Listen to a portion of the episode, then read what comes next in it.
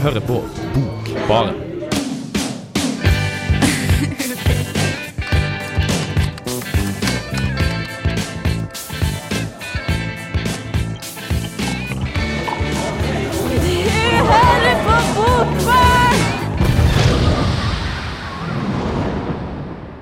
Hei og velkommen til Bokbarn, som er kommet tilbake etter påskeferie.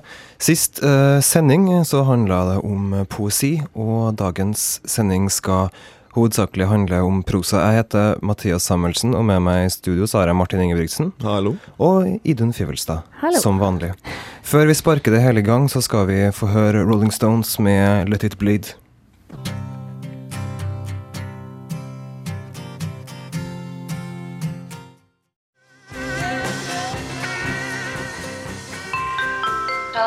På FM 97,9. Der fikk du The Rolling Stones uh, med Let It Bleed, og du hører på Bokbaren på Radio Revolt. I dag prater vi litt uh, om uh, prosa, siden det var poesisending først. Og hva skal du prate med, Agda? Jeg skal preke om ei dame som heter Elia Barcelo, og en bok som har skrevet til 'Gullsmedens hemmelighet'. Det her var ei bok du plukka opp eh, sånn for at den så fin ut, var ikke det som var greia? jo. Samtidig så skjer det like som det kommer òg. Av og til så er man heldig, og så av og til så er man kanskje ikke så heldig, men vi skal få høre litt mer om det senere. Enn du, Martin? Jo, vet du, en? Det er en ting som har eh, slått meg, Mathias. Uh, I Norge er proppfullt av forfattere. Det er proppfullt av litteraturvitere proppfullt av litteraturkritikere. Det finnes veldig lite av litteraturkommentatorer. Altså sånn realtime Arne Skeies-stil litteraturkommentering. Det skal jeg prøve meg på. Det skal du gjøre i dag. Ja, jeg skal holde, holde, holde løpende oversikt og forklare spillet til utenforstående. Jeg syns jo eh, du hvis jeg, hvis, jeg, hvis jeg nå husker riktig, eh, så skal du også komme inn på to fattere som du er ganske glad i. Ja, vi skal det også. Eh, jeg tulla bare. Ja, men det er litt mer mot slutten. For vi har i påska så har jeg lest to bøker, og jeg skal prate om, om begge to i dag i en eller annen form. Uh, ene boka hadde jeg gleda meg uh, veldig lenge til å lese. Det var uh, Bjørn Espen Almås sin 'Sov eller snakk om kjærlighet'. Eh, for det er fryktelig lenge siden han har gitt ut en bok. Eh, og den andre boka eh, er en bok som heter 'Kokmania Inc. av VS Tidemann. Eh, og vi skal komme tilbake til den, for den er også faktisk ukas bok. Radio Revolt. Ukas bok. Kokmania Inc. av VS Tidemann forteller historien om en tilværelse prega av pengeproblemer, dop, prostitusjon, dagdriving og ellers generell elendighet. Mathias er 28 år og bor i Oslo. Han har mista kontakten med familien, som har avskrevet han som en drittsekk. Han har en unge med Therese som for lengst har gitt opp alt håp om at han skal bidra i sønnens oppvekst. Og han holdt seg stort sett sammen med den på alle måter dårlige vennen Kokk. Faren til Mathias ligger i koma, og når han dør, prøver Mathias å få orden på livet sitt. Han flytter inn med Therese for å ta vare på ungen deres, men dras mellom det her målet og Kokk, som stadig trekker han tilbake ned i søla. Kokk har lånt penger av en gjeng pakistanere som stadig er ute etter han og i forlengelsen Mathias. Denne konflikten kulminerer med at Kokk knivstikker en av pakistanerne, og derifra går det bare nedover, i en malstrøm av store bokstaver, pornofilmer og barnslig rasisme. Det er beskrivende at denne boka begynner med et helt kapittel hvor Mathias beskriver hvordan han har forstoppelse og sitter på dass, mens Kokk sitter inne i stua og onanerer til porno med analfokus. Historien fortelles i et tankestrømlignende driv, satt sammen av en skog av store bokstaver og minst to setninger på hver side som avsluttes med 'osv'. Og det skal boka ha. Den har fart, men det er dessverre også det eneste den har. Historien er syltynn og har på ingen måte det språklige registeret til å forsvare hvor irriterende den er.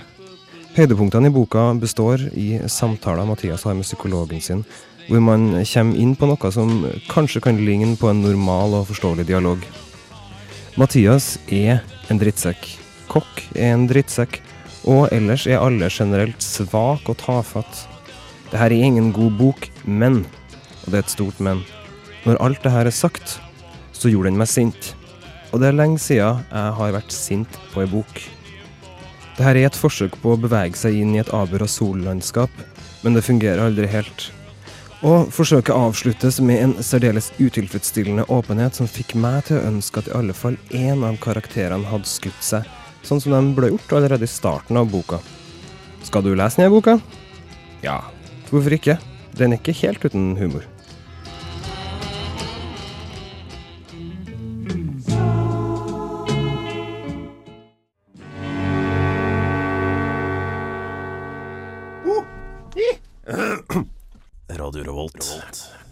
Velkommen tilbake til Bokbaren. Eh, du hørte eh, Captain Beefheart med I'm Glad, stemmer ikke? Fra Safest Milk-plata.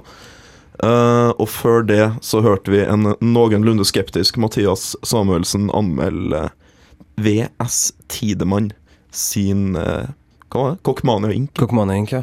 Det er veldig sjelden jeg føler meg som ei gammel eh, småborgerlig kjerring. Men, men når jeg leste den der, så er sånn sinne liksom bygd opp i meg om sånn hva det går sånn Altså er sånn moralsk forfall, og at det må finnes noen verdier, og det her er på en måte Så Du syns dette var litt unødvendig, du, rett og slett? Ja, men jeg klarer ikke å avskrive den helt, da, vet du, siden den, jeg- siden den får meg til å føle noe. Du er, så, du er så blasert i den grå, triste hverdagen at enhver følelse på en måte gir ny giv. Ja, altså, jeg, jeg forsøker jo å ha den her, den her kritiske distansen da, Ja, til ting jeg, ting jeg på en måte forsøker å anmelde. Og det der det var fryktelig vanskelig med det her. Altså. Men jeg syns det er veldig spennende for, uh, fordi at, altså, Eller det skal ikke jeg si. Hvis denne personen muligens hører på noe, så er det her ikke spennende i det hele tatt. Men siden det er Siden det tilsynelatende er et pseudonym, da, um, så er det på en måte Så begynner man å lure på hvem det kan være som har skrevet. Jeg tror det er Odd Børretzen. Du tror det er Odd Børretzen, ja? Jeg tror det. Ja.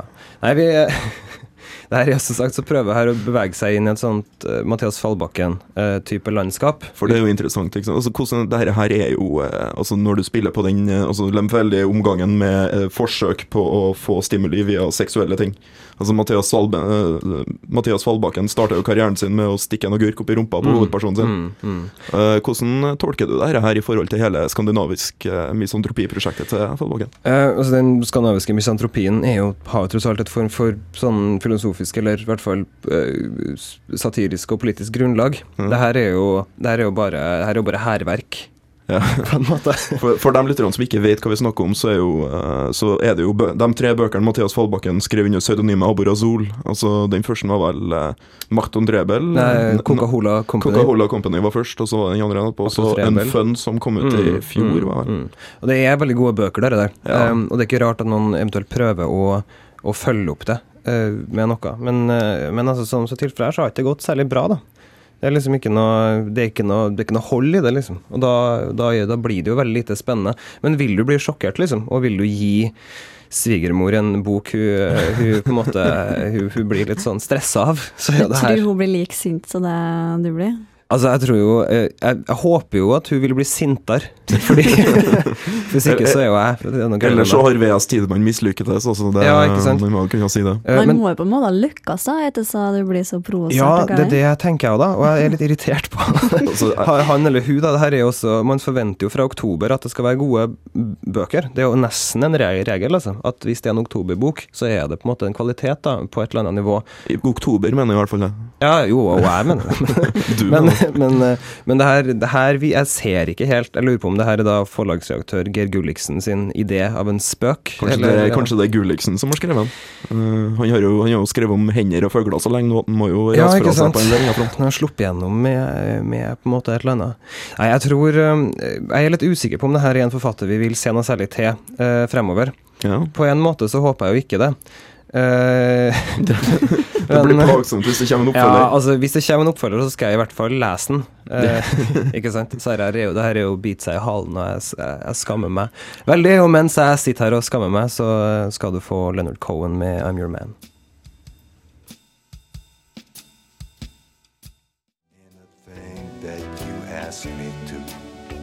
Du hører på Radio Revolt, studentradioen i Trondheim. Der uh, hørte du da altså Leonard Cohen synge I'm Your Man. Uh, du hører nå på Bokbaren, ikke på musikk lenger. Og, og vi skal snakke med frøken Idun Fivelstad om en bok fra Spania som Ja. hun har lest. Den heter For gullsmedens uh, hemmelighet. En dame som heter Elia Barcelo, så har skrevet den. Og den plukka jeg opp fordi den var så fin. Ja, var- eh, kan ikke, kan holde opp så jeg får se.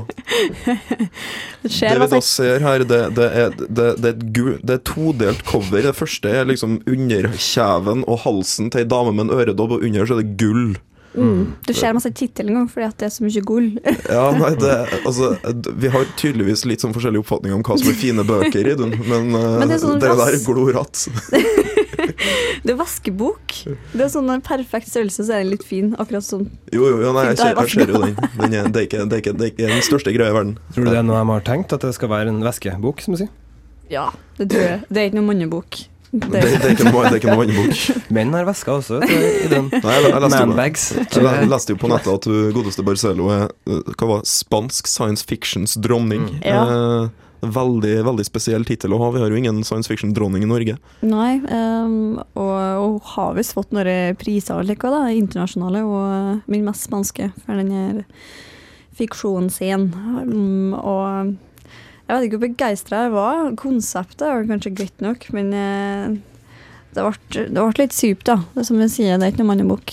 Det er ikke noe mannebok. Nei, men eh, altså, jeg ble jo sånn umiddelbart litt interessert, for eh, når jeg, når jeg kikka litt på informasjonen som fantes om henne, så sa jeg at hun hadde skrevet bok om den gamle bokbarnfavoritten Julio Cortazar. Mm, ja, hun har skrevet Hun har både skrevet mye noveller og et par romaner, og skrevet bi biografier og oversett litt. Og hun er professor i hispaniske studier. Hispaniske studier. Ja, Hvordan? Det latino-litteratur. Det er veldig lett å tenke når du hører altså, spansk eh, sci-fi at det her har noe med magisk realisme og den søramerikanske eh, tradisjonen eh, å gjøre. Eh, og så det er jo på en måte Jeg, jeg, syns jo det er vanskelig å ikke eh, på en måte ville vært å lese, lese det sånn, da, men jeg føler at det her er sci-fi.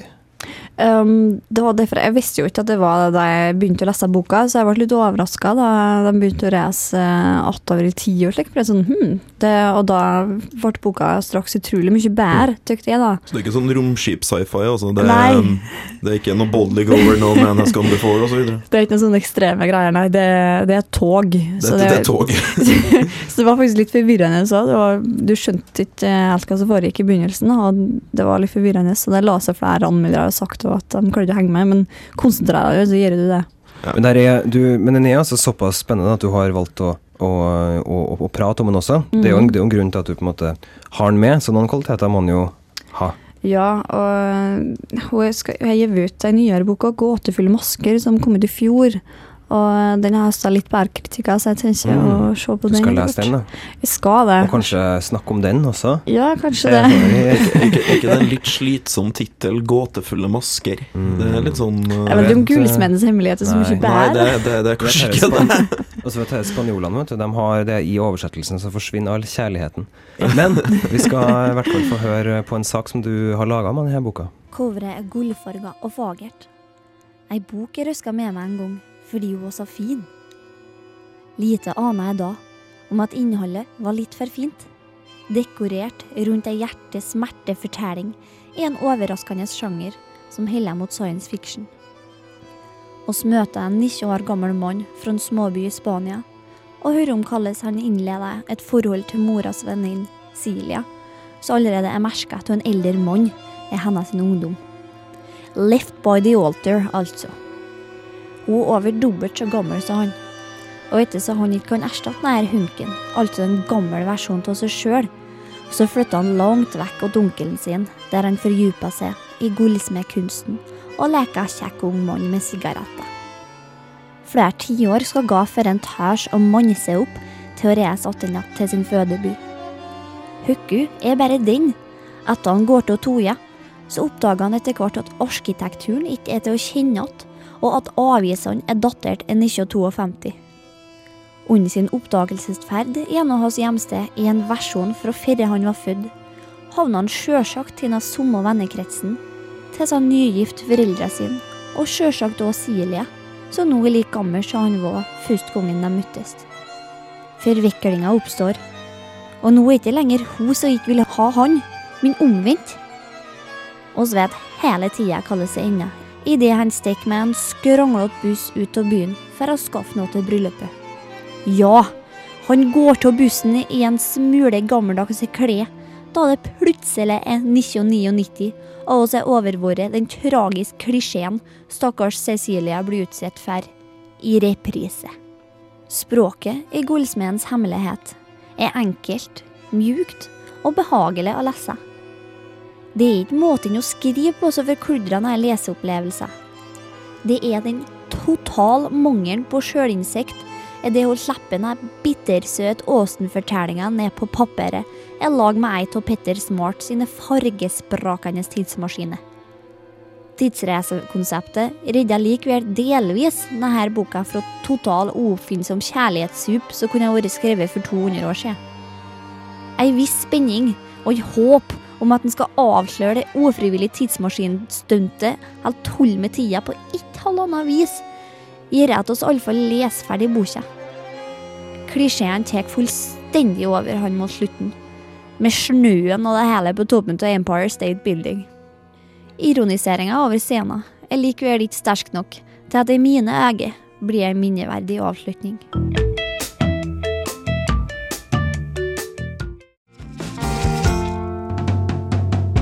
Radio Revolt. Der fikk du Bishop Allen med The Lion and the Teacup. Og før det så hadde Idun laga en eh, sak om gullsmedens hemmelighet av eh, Elisa Barcello. Eh, nå skal vi gå over til å prate litt om Bjørn Espen Almås.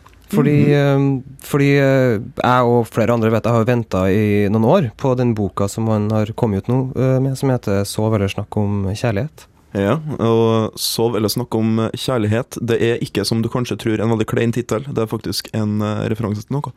Det er det. Eh, Det er henta fra et dikt av eh, Rune Kristiansen, som eh, Idun har eh, lest inn. Sov eller snakk om kjærlighet. Alt jeg eier, er peppermyntepiken, og et liv som lavmælt bærer mine ord. Mine håndledd er bleke som vann, og jeg kjenner bare dette.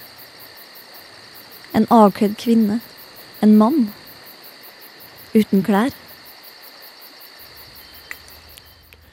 Der eh, fikk du altså eh, 'Sov eller snakk om kjærlighet' av Rune Kristiansen. Mm. Og denne boka her, den, eh, da var det jo reklamert om at det kom en naken mann, stjal en banan, og så ble den tissen og innlagt. Ja, vi litt senere skal vi, skal vi få ha Martin lest inn noen biter som vi skal få høre på. Men det her er historien om, eh, om Jan, som er fotograf, eh, og som eh, og som eh, dukker opp eh, naken eh, og går inn på en 7-Eleven eller sånn, og henter seg en banan. Og da spør jo alle seg hvor kommer han fra, hvor skal han, Ja. hva, med, hva er det med denne bananen, osv. Og så prøver prøver boka da å forklare det her på sett og vis. Ja. Mm. Han har mista hukommelsen, du det?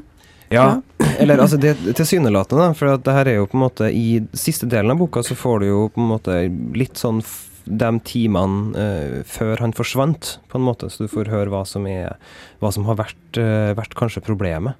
Mm. Men eh, problemet uh, Så får liksom hele lesninga og slipper å være nysgjerrig så lenge, med andre ord. Nei, altså den, den, er jo, den er jo ganske sånn Den er jo delt inn i fem deler, og så er, den, er det litt sånn litt kvalitetsvariasjoner fra del til del, og det er nok tenkt som noveller, ser jeg for meg, på et eller annet nivå. Og det er ikke og den forklaringa på hva som skjedde, er vel ikke så veldig klar, så du får vel ikke vite. Men sånn som jeg leste, så er det i hvert fall veldig mye med altså, sånn seksuelle problemer sånn, som til slutt tårna seg opp da, og ble til at det, man knakk sammen, på en måte. Mm, men det, og det her eh, seksuelle, det er jo et par oppskøne episoder som jeg, jeg har merka meg uten å ha lest den ennå.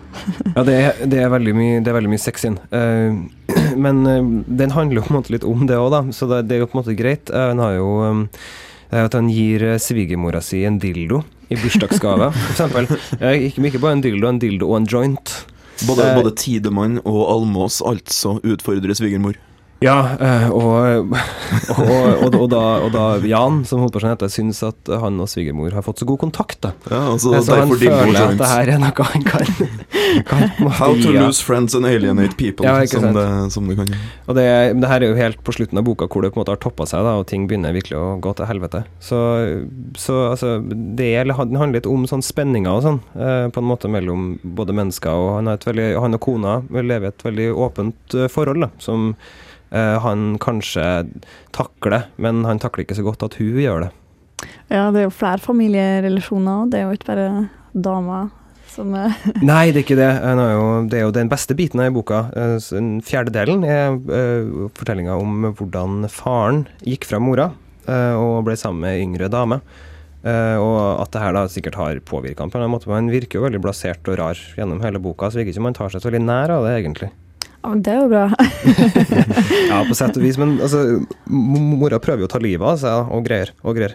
Så det her er jo en dramatisk historie, men det er alltid en sånn distanse, og en følelsesmessig distanse til ting. Eh, Det er på en måte veldig lite inderlig. Eh, Så, så, så altså, jeg klarer ikke helt å se koblinga til det her eh, diktet, da. Og det er jo heller ikke brukt som er, er heller ikke brukt inn i boka som, eh, som, et, eh, som, en, som en epigraf eller noe sånt. Det er liksom bare tittelen. Det er tatt fra, rett og slett. Så jeg ser ikke helt den koblinga. Det kan hende at dere får litt mer klarhet i det, for Martin har lest inn noen biter som vi skal få høre. Gresset var fuktig. Trærne mørke og bladløse. Himmelen klar blå. Jeg gikk ned en bakke, ble våt på føttene og hørte stemmer et stykke unna. Glade og skingrende stemmer. To holdt rundt hverandre, og én så mot meg, pekte på meg. Jeg var sulten. En kveldsåpen kiosk lå på hjørnet. Jeg gikk inn der. Mellom gule bananer stakk det opp noen grønne plastbiter som skulle forestille gress. Jeg knakk av en banan og så meg rundt. Noen ropte unnskyld, men jeg gikk på. Varmen som ble blåst ned over meg idet jeg gikk gjennom de automatiske dørene, fikk meg til å lengte tilbake, inn igjen. Men jeg stoppet ikke før jeg kjente en hånd på skulderen. Jeg snudde meg og holdt bananen frem i en åpen hånd. Noe sa meg at det ikke ville være nok. Det var ikke nok. Moren min lå utstrakt på sofaen og røkte en sigarett. På bordet sto et fettet glass med en slant på bunnen. Da jeg spurte om hvorfor hun ikke hadde åpnet da jeg ringte på, svarte hun at hun var sykemeldt. Jeg så på henne. Hun hadde aldri åpnet vinflasker før. Alltid hadde hun fått faren min til å gjøre det. Ikke hadde hun skjenket et glass heller. Var ikke han der, måtte jeg eller broren min gjøre det. Det var som om hun hadde trodd at det var en slags forsikring i ikke å lære seg hvordan man gjorde det. Hun satte seg opp og stumpet sigaretten, og ble sittende før hun strakte hånden ut mot en flaske som viste seg å være tom. Hun løftet en annen og skjenket i glasset. Dette er ikke bra, sa jeg. Hun drakk en stor slurk. Luften var dårlig, jeg hadde lyst til å åpne et vindu, men lot det være.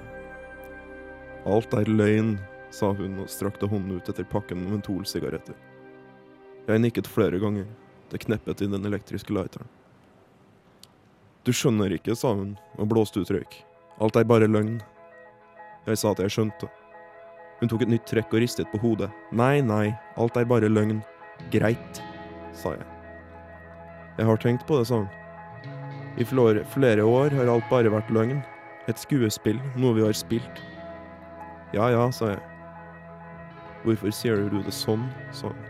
Jeg trakk på skuldrene. Hvis du sier det, sa jeg, så tror jeg på det. Hun ble sittende med sigaretten opp til munnen og se på meg. Hvor lenge har han vært sammen med henne, sa jeg. Hun lukket øynene og tok et trekk av sigaretten. Hvor lenge har du visst om det, sa jeg. Hun ristet på hodet. Jeg vil ikke snakke om det, sa hun. Jeg reiste meg, hun så på meg. Går du? Jeg nikket. Vet du hva? ropte hun. Det driter jeg i. Jeg driter i faren din, jeg driter i broren din, og jeg driter i deg. Herlig, sa jeg. Så gikk jeg. Å handle mat til sin egen mor, å gjøre rent i huset for henne, å dekke på, å tenne et lys på spisebordet, for så å blåse det ut igjen fordi du bestemmer deg for at det blir for mye. Å banke på døren hennes, stikke hodet inn. Å finne ut at hun fremdeles ligger på den samme måten, utstrakt oppå dynen i en utvasket T-skjorte. Og prøve å skjule oppgittheten. Få henne på badet, og banke på døren til badet når det har gått for lang tid. Og tenke at det kan ha hendt moren din noe på badet. Og senere kom inn på kjøkkenet, det samme jævlige håret, de hovne øynene, i joggebukse, barfot, samme T-skjorten. Lett å se at hun ikke har noen bh. Prøve å smile. Smile. Vær så god. Og senere sette seg ned, stirre tomt mot servelaten og rundstykkene. Te. Kaffe. Te.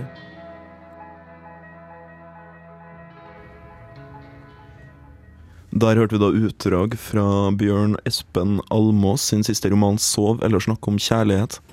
Uh, jeg har ikke lest noe mer enn uh, de utdragene du ba meg lese opp, Mathias. Men uh, det som er helt klart, og som jeg vet fra før, er at Bjørn Espen Almås kan jo skrive, og han er knekkende god på dialog. Han vet å skape stillhet og kvalme og alt mulig sånt i tekstene sine hvis han vil det. Og han kan være morsom hvis han vil det. Men hvordan er denne boka? Er den bra? Det var kanskje ikke den store boka eh, som vi hadde håpa at han skulle skrive etter så mange år. Ja.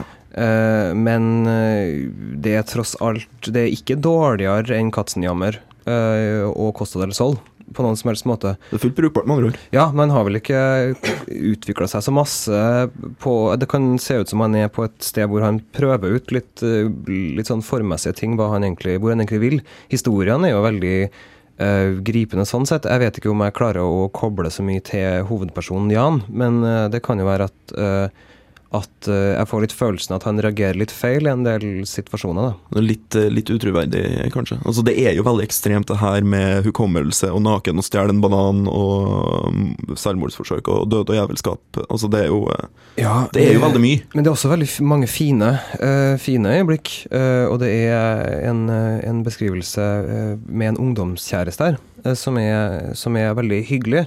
Ikke den beste biten av boka. Eh, Men sånn oppdag seksualiteten din eh, på en måte, eh, og foreldrene bort og bla, bla, bla, og, og alt sånn der. Jan har med andre ord ikke bare hatt det jævlig, han har mista jomfrudommen også. Ja da, Jan har det ganske bra, egentlig, hele tida. Helt til han klær av seg alle klærne og Ja, mister han hukommelsen. eh, har vært borte i tre uker, og, og så kommer han jo tilbake. Men har jo noen flotte unger, virker det som, og det her er jo på en måte Det går jo veldig bra, og kona eh, tar jo imot den. Ja.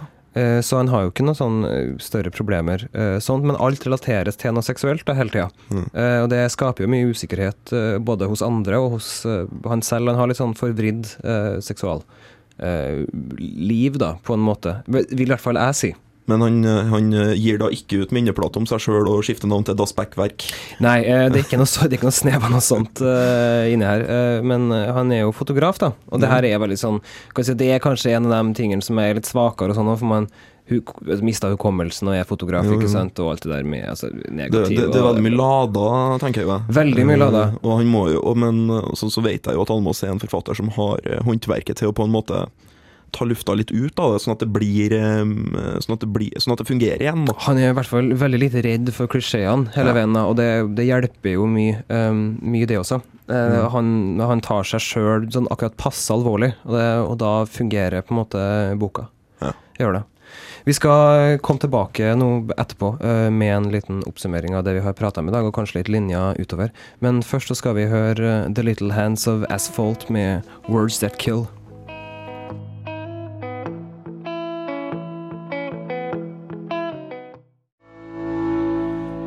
Der fikk du Words That Kill med The Little Hands of Asphalt.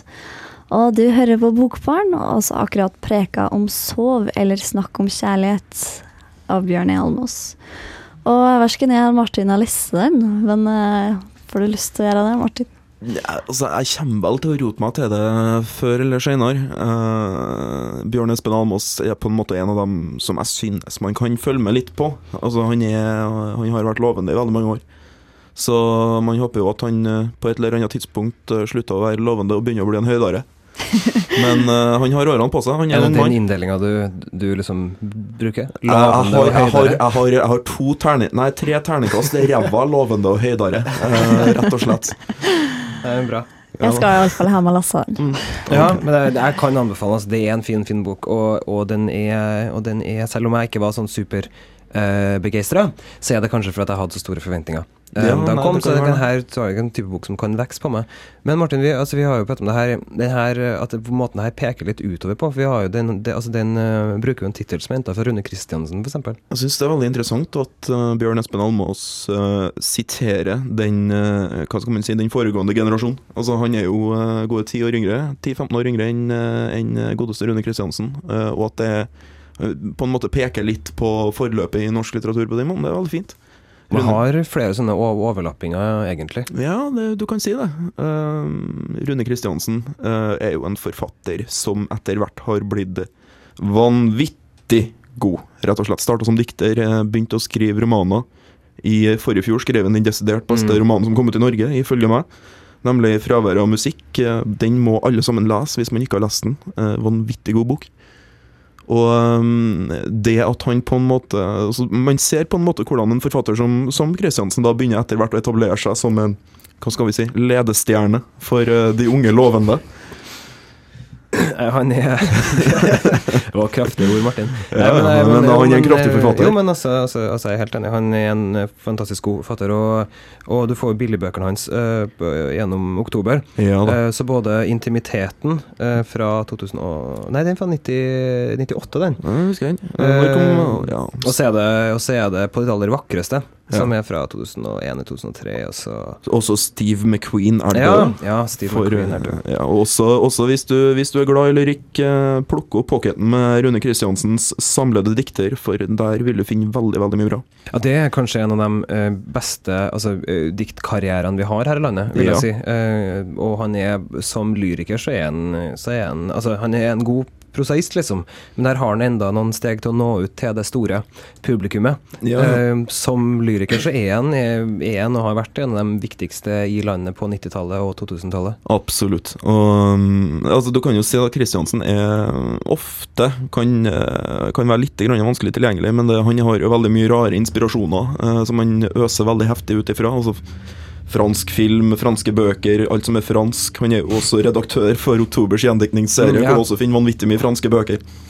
Og det her vises veldig eh, spesielt i fraværet av musikk, vil jeg si, som jo er selv om det er den, eh, en av de vakreste bøkene jeg noensinne har lest på det norske språket, jeg vil faktisk gå så langt som å si det, så um, kan det ofte være litt uh, vanskelig å få fatt på, på akkurat hva han vil, fordi han er så språktung, da. Men likevel, altså, jeg liker språk. Ja, altså han er jo, Det er jo veldig lite tvil om at han er en poet som skriver, uh, som skriver romaner, i hvert fall. Mm. Uh, det kan man liksom ikke helt snike seg unna. da, og Språket er, er altså Om ikke billedrikt, så er det veldig is- iscenesatt. Ja. Uh, og, og ting er, er veldig gjennomarbeida og utspekulert. Altså Du får ikke de her lange, tørre prosa-sekvensene. det er veldig lite gåing i parken med sykkel. Ja, jeg, husker, jeg husker fortsatt en av, en av de første setningene fra et av kapitlene der. Og så var det noe sånn som ja, Det ble en parafrasering, men eh, pappa ringte meg for å fortelle om hvordan det var å være død. Altså Mm. Sondre Pang starta inn i de her lange, vanvittig vakre prosapassasjene eh, som Rune gjør så bra. Så jo- hvis man gleder seg til den nesten av Bjørn Espen Almås, så gleder Ja. jeg meg til den nesten av Rune Kristiansen. Ja, det blir stort. Det blir fantastisk stort. Og han eh, har jo sagt at han eh, muligens kanskje skal skrive prosa nå fremover. At det ikke er noe At lyrikken blir satt litt uh, i baksetet. Ja, det Så vi, så vi kan sikkert vente oss, uh, vente oss noe nytt uh, fra der. Men Idun, hvordan inntrykk får du av de utdragene som Martin leste, egentlig? Jeg syntes de var virka kjølig bra. jeg flira nå og jeg trodde, jeg trodde det var en komisk bok da jeg las eh, omslaget, men etter hvert er det glass og anmeldelse av det, så skjønner jeg at det legger litt alvor på det òg. Det er jo en del humor, men altså, han, eh, han er jo veldig god på det her, her med uh, å beskrive relasjoner. Og den relasjonen mellom mora uh, og, og, og sønnen er, er, er veldig fin. Eh, så han må jo på en måte ta seg av henne i en periode, Mm. for at det går så dårlig. men det, kan jeg si at det er jo kanskje sånn altså, Sønner og mødre og sånn er jo et litt utslitt tema, men det er jo kanskje en grunn til at vi liker det. Ja, det blir, det blir jo litt bedre iallfall enn eh, den oss la la stille om Det er kjærlighetsklisjeen opp og opp og opp igjen. Ja. er jo det en litt like relasjon. Ja, Altså. den her ender i hvert fall ikke på toppen av Empire State Building. Men vi får, eh, vi, vi får la det eh, bli altså den eh, siste kommentaren og da anbefalinga av, eh, av da fraværet av eh, musikk eh, skrevet av Rune Kristiansen og hans forfatterskap eh, for øvrig. Las! Men før vi avslutter helt, så skal du få eh, We Were Lightning med Egg White.